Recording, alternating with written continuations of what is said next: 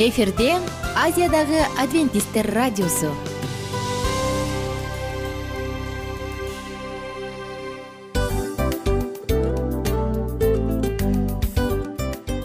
Достор салют. Баардык сүйүктүү угармандарыбызга салам айтабыз. Кутман күнүңүздөр менен. Ден соолук өмүрдүн булагы демекчи саламат саамы программасында баарыңыздарды көргөнүбүзгө абдан кубанычтабыз. Анда алгач амандашып өтөлү арбаңыздар деп. Ден соолугуңуздар кандай элибизде көбүнчө ден соолук кандай дегенде эле жакшы деп жооп беребиз э? ооруп турсак дагы жакшы дейбиз. Анан мен муну айтып ойлойт элем бул абдан сонун сөз депчи анткени бул жакшы деген үмүт да э баары жакшы болот баары сонун. Деп үмүттөнүп атып эле өзүбүздү өзүбүз дарылап коебуз. Анысы кандай? Сиздин дагы ден соолугуңуз жакшы беш деген үмүттөбүз чындыгында ден соолук бул өмүрдүн булагы деп бекеринен айтылган эмес деп ойлойм. Кыргыз элинде анткени эгерде ден соолук жок болсо анда адамдын жашоосунда калган баардык керектүү маңыздуу нерселер өзүнүн баалуулугун жоготуп коет. Ошондуктан ден соолук бул эң керектүү нерсе. Ооба туура айтасың кесиптешим. Чынында ден соолугуң жок бир эки үч күн ооруп калсаң эле э кандай болуп калат? Жашоодо көз каранды болуп каласың көп нерсеге жетишпей каласың көп нерсени кыла албай каласың жада калса эшикке дүкөнгө да чыга албай каласың. Туп туура анан ден соолук болсо демек биз биздин бактыбыз тоодой деп койсок болот. Анда достор саламат саамы рубрикабызды баштайлы. Алдыда өзүңүзгө керектүү болгон сонун кеңештерди уга аласыздар. Мына ошондуктан биз менен бирге болуңуздар. Ал эми биз болсо милан жана айнура. Кеттик алга. Алга саламат саама ден соолуктун жарчысы. Саламат саама ден соолуктун ачкычы. Күн сайын сиз үчүн мыкты кеңештер сонун жаңылыктар кызыктуу фактылар. Биздин рубрикада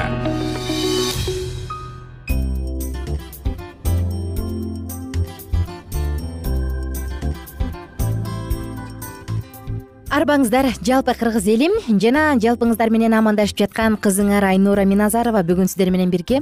Жөтөлдү кантип жеңилдетсе болот мына ушул теманын негизинде сөз кылабыз.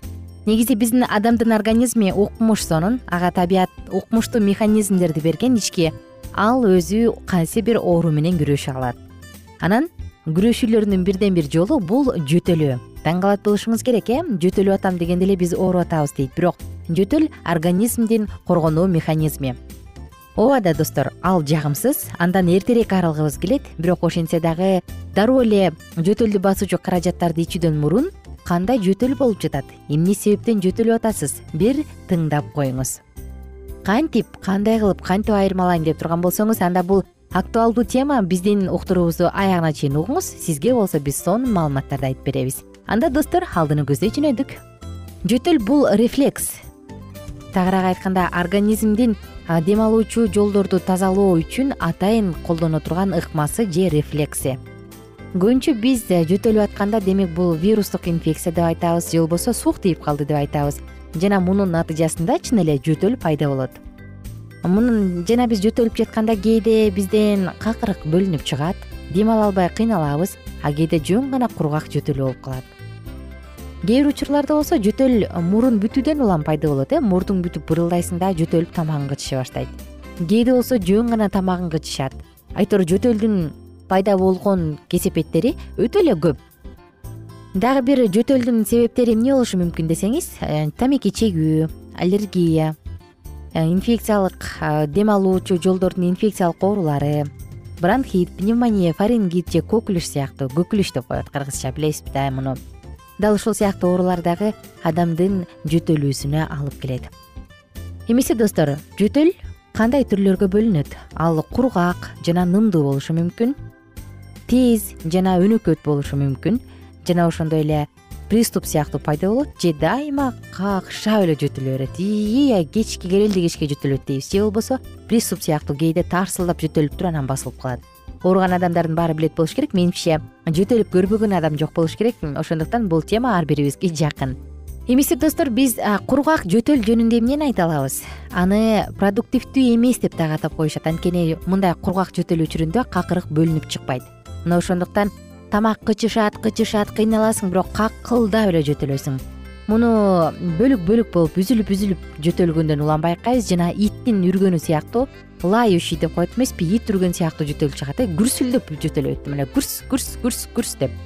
Мунун натыйжасында адам кусуп жибериши мүмкүн спазма пайда болуп калышы мүмкүн өзгөчө кичинекей балдар байкуштар мындай жөтөлдү оңой менен көтөрүп кете албайт кыйналышат. Дагы бир жөтөлдүн түрү бул нымдуу жөтөлү. Тагыраак башкача айтканда муну медициналык тил менен айтсак продуктивдүү жөтөлү. Тагыраак айтканда мындан продукт бөлүнүп чыгат же какырык бөлүнүп чыгат. Мунун негизинде бизде мындай жөтөлгөндө тамагың дайыма какырык болот. Аны чыгарып салсаң бир аз басылып калат суу ичип койсоң басылып калат анан бир аздан кийин кайра пайда болот. Демек бул нымдуу жөтөл. Нымдуу жөтөл дагы аз продуктивдүү болуп бөлүнөт. Мунун ичинен аз продуктивдүү да болот. Тагыраак айтканда эгерде адам жөтөлүп жатып бир аз бир аз какырык чыга турган болсо анда демек бул аз продуктивдүү жөтөл бул өзгөчө кичинекей балдарга мүнөздүү э. Мисалы жөтөлүп атып туруп бир аз э, жөтөлүп чыгып коет мурдунан чыгат байкуш бир бир кыйналып кыйналып күрсүлдөп күрсүлдөп жөтөлүп анан бир аз какырык чыгат ошентип атып анан балада бир кыйынчылыктар пайда боло баштайт тердеп кетет. Ок өтүр бышылдап дем ала албай калат мунун коркунучтуу жагы экинчи бактериалдык пневмония пайда болуп кетиши мүмкүн. Ошондуктан мындай жөтөл болсо канча күнгө созулуп жатат? Сөзсүз көңүл буруп коюңуз эгерде достор жөтөл үч жумадан ашык боло турган болсо сөзсүз түрдө доктурду көздөй жөнөңүз. Анткени оору күчөп кетиши мүмкүн. Эгерде анын симптомдору мындай болсо дене табы жогорулап атса тез тезден адам өтө эле алсыз болуп турса демек анда доктурга барыш керек. Ошондой эле достор жөтөлүп жатканда төш жак ооруп атса эгерде тамак өтө эле катуу ооруп атса шишип кетсе тамак кызарып кетсе дем алыш кыйын болуп калса какырганда ал бир башкача күрөң түстүү сары жашыл же кан аралаш болсо жана адамдын салмагы тез эле азайып кетсе анда сөзсүз түрдө сөзсүз түрдө эч нерсени калтырбастан керек болсо скорый помощь тез жардамды чакырсаңыз дагы бирок ооруканага жөнөңүз. Эмне себептен жөтөлүп атабыз? Кандай гана учур болбосун причинасын себебин издеп көрүңүз. Балким ал жөн гана суук тийүүдөндөр балким аллергия болуп жаткандырсыз балким кайсы бир нерселер сиздин тамакта тамагыңызды бронхаларыңызды кыжырдантып жаткандыр. Мына ошондуктан жөтөлүп жатканда аны жакшылап бир сыйра караңыз дагы тыңдап көрүңүз. Эмне себептен? Эми жөтөлүп жатканда биринчи жардам сизге эмне жардам бере алат? Бул ысык буу менен дем алуу. Ысык кадимки эле сууну кайнатып алыңыз. Анан бир аз бир аз бир аз муздай түшкөндө бул ысык бойдон буу чыгып аткан кезинде эле оозуңузду пар менен буулаңыз. Бул сиздин кыжырданып турган бронхалардын баардыгын тынчтанганга жардам берет. Ошондой эле ысык чөп чайларын ичиңиз. Кайсында кандайдыр бир жөтөлгө каршы жөтөлдү баса турган сиздин бронхаларды тынчтандыра турган чөп чайларды ысык ысык бойдон ичиңиз. Үйдөгү абаны нымдаштырыңыз мүмкүн болсо атайын абаны нымдаштыруучу каражат сатып алыңыз.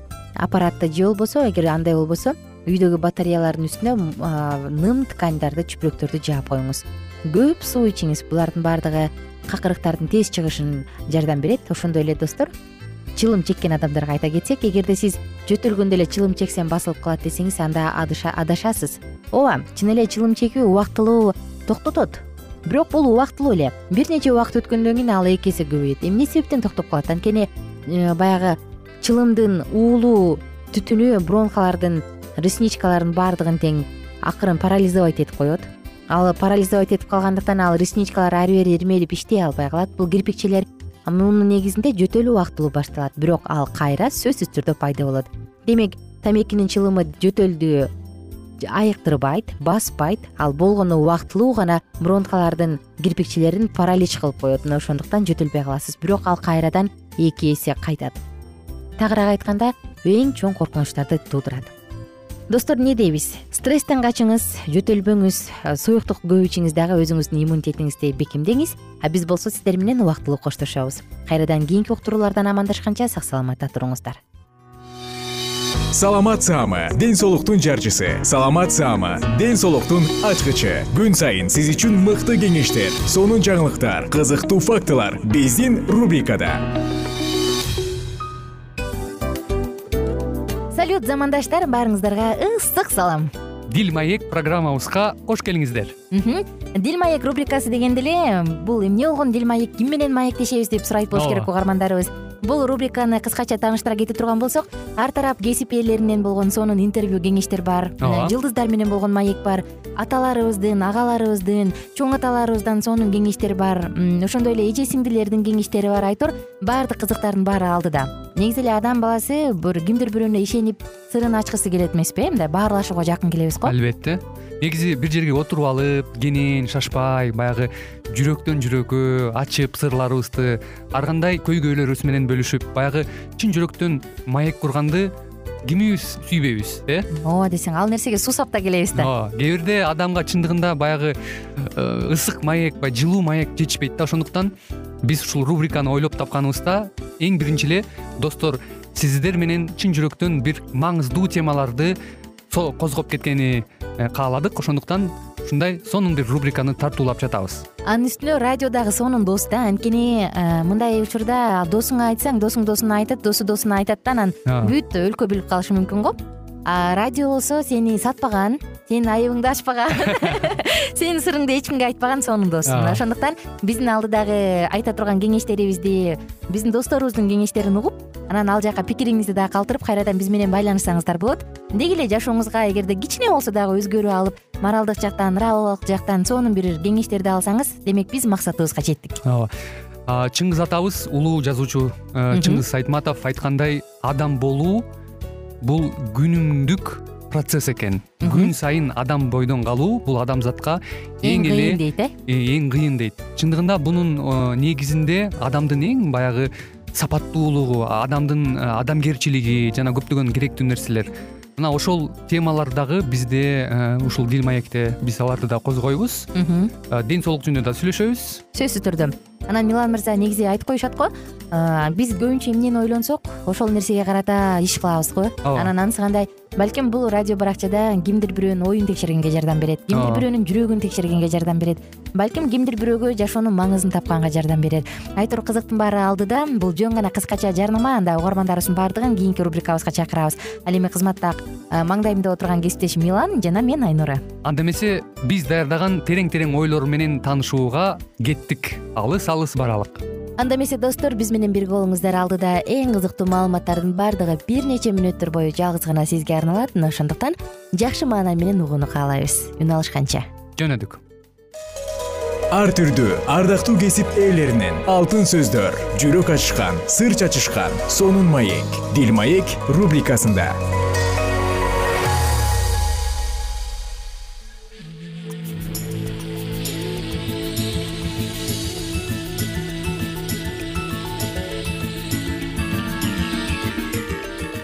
кутмандуу күнүңүздөр менен кымбаттуу радио угармандарыбыз кайрадан эле сиздердин назарыңыздарда бактылуу никенин баалуу эрежелери аттуу программабызды баштамакчыбыз.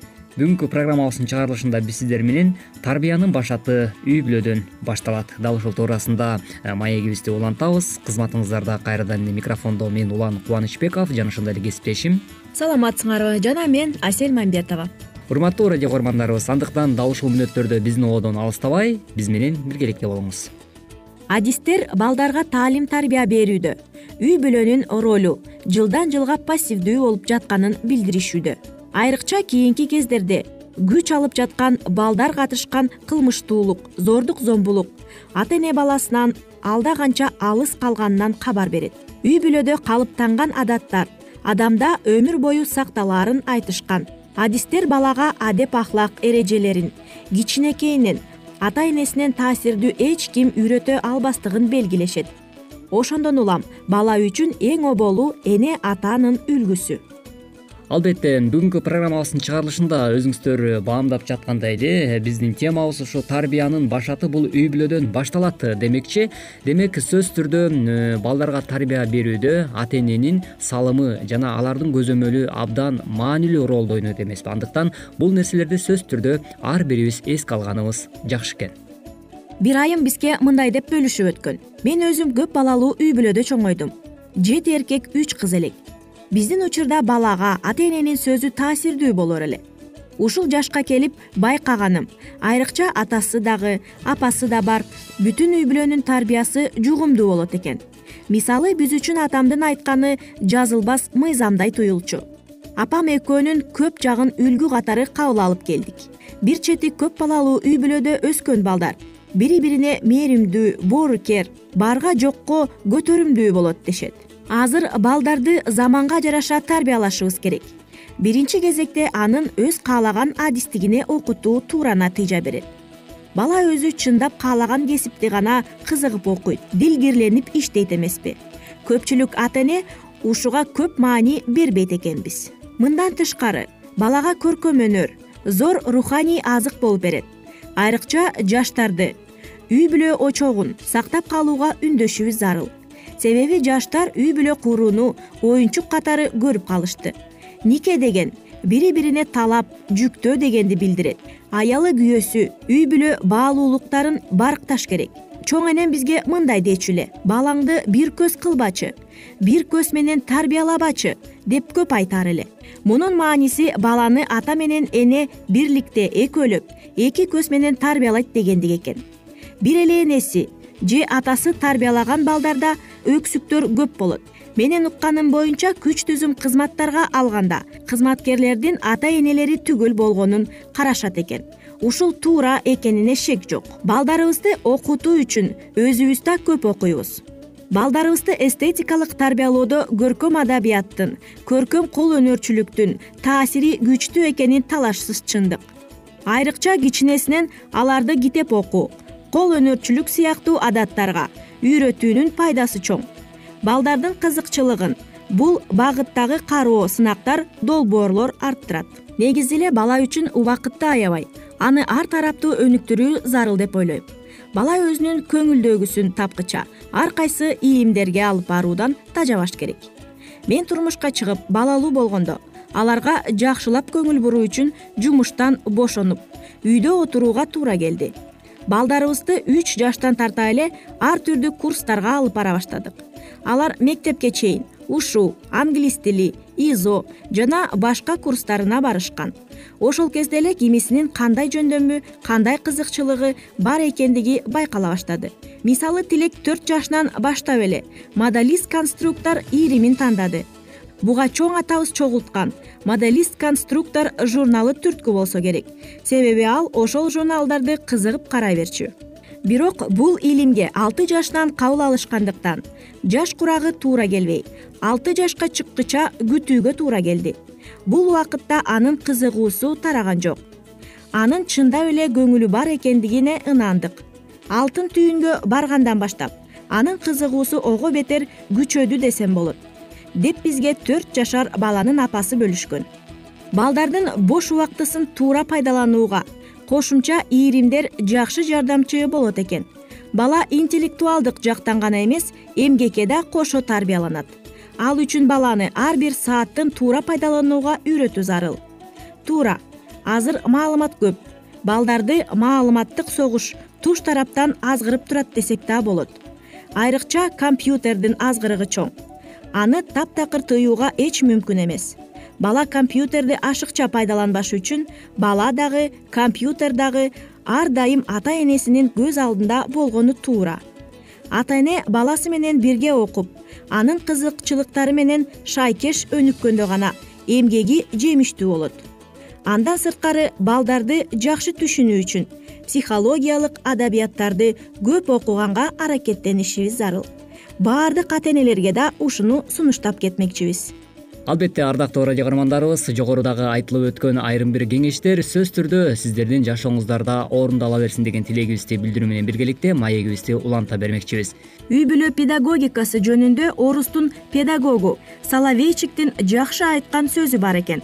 Анын айтуусу боюнча үй бүлө педагогикасы кантип жашоо керек кандай болуу керектигин үйрөтпөй ал бала үчүн кандай шарт жагымдуу болорун кандай учурда кырдаал татаалдаштыраарын гана изилдейт. Адистердин айтымында баланы үй бүлөдө тарбиялоо бул ата эненин биринчи милдети. Ал эми туура тарбиялоо ар бир баланын ыйык укугу. Башкача айтканда ар бир бала аларды жарык дүйнөгө алып келген адамдардан таалим тарбия алууга укуктуу мына ошентип ардактуу радио каармандар бүгүнкү уктуруубузда дагы сиздер дал ушул бактылуу никенин баалуу эрежелери аттуу программабыздын чыгарылышында дагы негизинен эле э, тарбия бул үй бүлөдөн башталат аттуу. Бүгүнкү программабыздын темасында үй бүлөдө балдарды туура тарбиялоо туурасындагы айрым бир кеңештерге орток боло алдыңыздар. Бүгүнкү уктуруубузга назар салганыңыздар үчүн ыраазычылык билгизебиз. Ушуну менен бизге бөлүнгөн убактыбыз дагы өз соңуна келип жетти. Кайрадан эле биз сиздер менен бактылуу никенин баалуу эрежелери аттуу берүүбүздөн кезиккенче аман туруңуздар.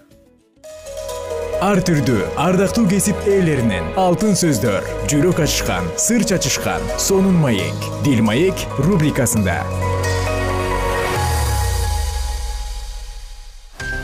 жан дүйнөңдү байыткан жүрөгүңдү азыктанткан жашооңо маңыз тартуулаган жан азык рубрикасы.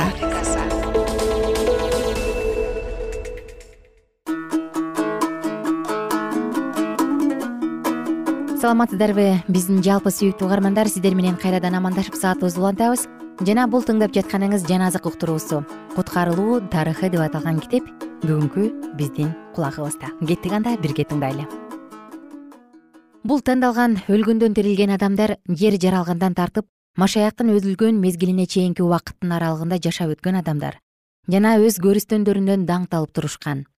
Жүйүттөрдүн башчылары машаяктын тирилиши жөнүндө жашырып коюуга аракет кылышканда кудай бул ыйык адамдарды ыйса машаяктын тирилишин айтышып анын даңкы жөнүндө жарыялоо үчүн тирилтип койду. Машаяк тирилгенден кийин мүрзөдөн тирилип чыккан маркумдар көп сандаган адамдарга көрүнүшүп дин кызматчылары өлтүрүп койгон ыйса машаяк адамдардын күнөөсү үчүн келген курмандык козу экендигин жарыялашты. Жана өз сөздөрүн далилдеш үчүн алар биз аны менен бирге тирилдик дешти. Бул күбөлөр биз анын кудуреттүү күчүнүн аркасында тирилүүгө ээ болдук деп күбөлөндүрүп жүрүшкөн. Машаяктын денесин анын шакирттери түндө уурдап кетишиптир деген жалган таратууларга карабастан шайтан дагы анын шабырлары дагы жана дин кызматчылар дагы ыйса машаяктын таң калаарлык тирилиши жөнүндөгү чындыкты токтотуша албай калышты. Анткени бул кубанычтуу кабарды өрс көрүстөндөрүндөн тирилип чыгышкан ыйык адамдар жарыялашкан.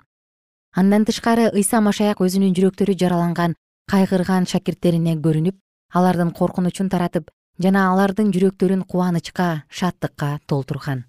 Көрүстөндүн жанындагы аялдар. Аптанын биринчи күнү али таң жакшы ата электе такыба аялдар өздөрү менен жыттуу май алышып ыйса машаяктын денесин майлоо үчүн жөнөштү. Көрүстөнгө келишип алар көрүстөндүн оозун бекитип турган чоң таштын алынып калганын жана анын ичинде ыйса машаяктын денесинин жок экендигин көрүштү.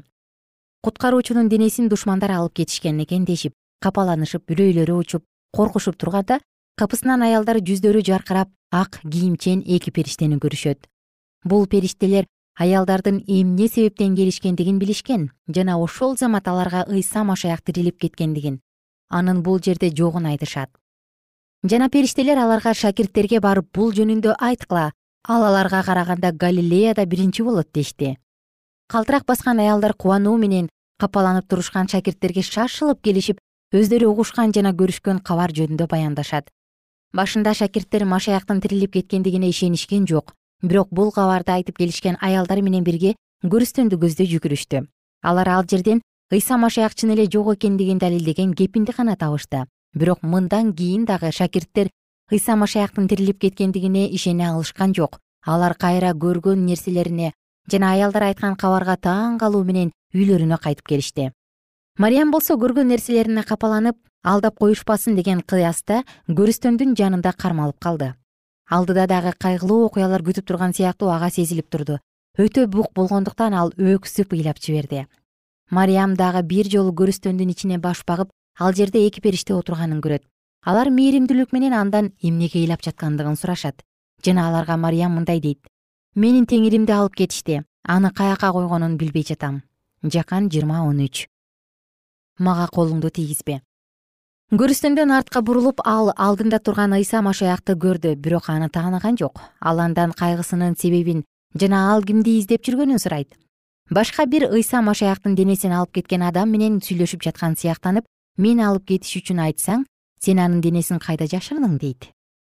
Жана өзүнүн асмандык үнү менен ыйса машаяк мариямга кайрылып мындай деп айтат. Мариям ага бул үн тааныш болгондуктан минтип айтты. Устат жана кубанычынан ыйсаны кучактагысы келди. Бирок ыйса машаяк ага мындай деп эскертүү берет. Мага колуңду тийгизбе. Анткени мен өз атама көтөрүлө элекмин. Бирок менин туугандарыма баргында аларга айт. Менин атама жана силердин атаңарга менин кудайыма жана силердин кудайыңарга чыгып барам. Кубанычтуу кабарга жүрөгү толуп бул жакшы кабарды айтуу үчүн ал шакирттерди көздөй шашты. Ыйса машаяк асмандагы кудай атага көтөрүлдү. Жана өзүнүн күнөөкөр адамдарды куткаруу курмандыгы кабыл алынгандыгын жана өзү эми асман менен жердеги баардык бийликке ээ болгондугу жөнүндө угат. Ыйса машаяк кудайдын алдында анын даңкына бөлөнүп турду бирок өзүнүн жерде калган шакирттери жөнүндө унутуп койгон жок. Өзүнүн асмандагы кудай атасынан күч алып ошол күч менен шакирттерин кубатташ үчүн ошол эле күнү жерге келди да өз шакирттерине көрүндү. Эми машаяк бардыгына өзүнө кармап тийип көрүүлөрүнө уруксат берди анткени кудай атага барып андан башкаруучу бийлик алган. Фоманын ишенбестиги. Бул жолугушууда фома болгон эмес. Качан ага ыйса машаяк тирилип кеткендигин айтышканда ал бул сөздөргө ишенген жок. Өзүнүн менменсинүүсү менен анын колундагы мык кагылган жараттарын кабыргасынын алдындагы анын жаратын көрмөйүнчө ишенбейм деди. Ушунусу менен ал өз бир туугандарынын арасындагы өзүнүн ишеними аздыгын билдирген. Эгерде бүгүн баардыгы ушундай далил талап кылыша турган болушса анда эч ким машаякты кабыл албай анын тирилип кеткендигине ишенишмек эмес. Бирок кудайдын эрки шакирттердин кабарларын машаяктын тирилип кеткендигин көрбөгөн укпаган адамдардын кабыл алышына негизделген. Фоманын ишенбестиги кудайды кубанта тургандай кабар болгон жок. Качан ыйса машаяк өзүнүн шакирттерине келгенде алардын арасында фома дагы бар эле. Ал ыйса машаякты көрөр менен ага ишенип калды анткени анын жаракаттарына тийип көрмөйүнчө ага ишенбейм деген болчу эми машаяк фомага ал талап кылган баардык далилдерин сунуш кылган. Фома айтты. Менин теңирим жана менин кудайым. Бирок анын ишенбестигине ыйса машаяк мындай деп айтат. Мени көрүп сен ишендиң көрбөй ишенген адамдар бактылуу жакан китеби жыйырманчы бап жыйырма сегизинчи жыйырма тогузунчу аяттар. Машаякты өлтүргөн адамдардын ичинен кыйналгандары. Ыйса машаяктын тирилип кеткендиги жөнүндө кубанычтуу кабар шаардан шаарга айылдардан айылдарга бат тарап кетти аны керип салган жүйүт дин кызматчылары жана башчылары өз өмүрлөрү үчүн корко башташты. Жана ыйса машаяктын шакирттерине болгон көрө албастыктарын иштерине катышты. Пилат кайра тирилүү жөнүндө укканда жүрөгү солк дей түштү. Ал бул кабардын чындык экендигинен шек санаган жок жана ошол учурдан баштап анын жүрөгүндөгү тынчтык жана бейпилдик биротоло жоготулду. Жердеги бийлигин жоготом деп жана өз жанынан коркуу менен ал ыйса машаякты өлүмгө тапшырган. Эми ал анын алдында адилеттүү киши гана эмес бирок кудайдын тандаганы тургандыгына толук ишенди. Пилаттын жашоосунун акыркы күндөрү аянычтуу жана кайгылуу болуп өттү. Жан дүйнөсүнүн мыжып кыйналганы андагы кубанычты жана жакшы маанайларды жоготуп салды. Ал сооротууну кабыл алган жок жана аянычтуу өлүм менен өлдү. Кымбаттуу угармандар сиздер менен китепти дал ушул жерден токтотобуз жана окуябызды кийинки уктуруудан кайрадан бирге улантабыз сак саламатта туруңуздар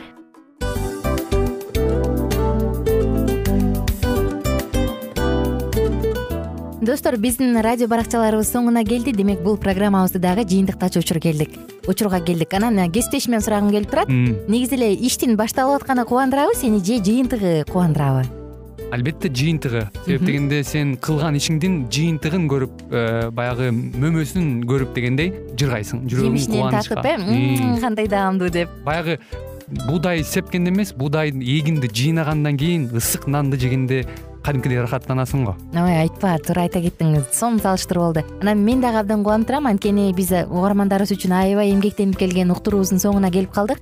Анан эми э, уктуруубуздун соңунда угармандар кандай пайда алып калды экен деп күтүп турам да. Балким э, менин жашоомо өзгөрүү киргизе турган сонун сөздөр болду.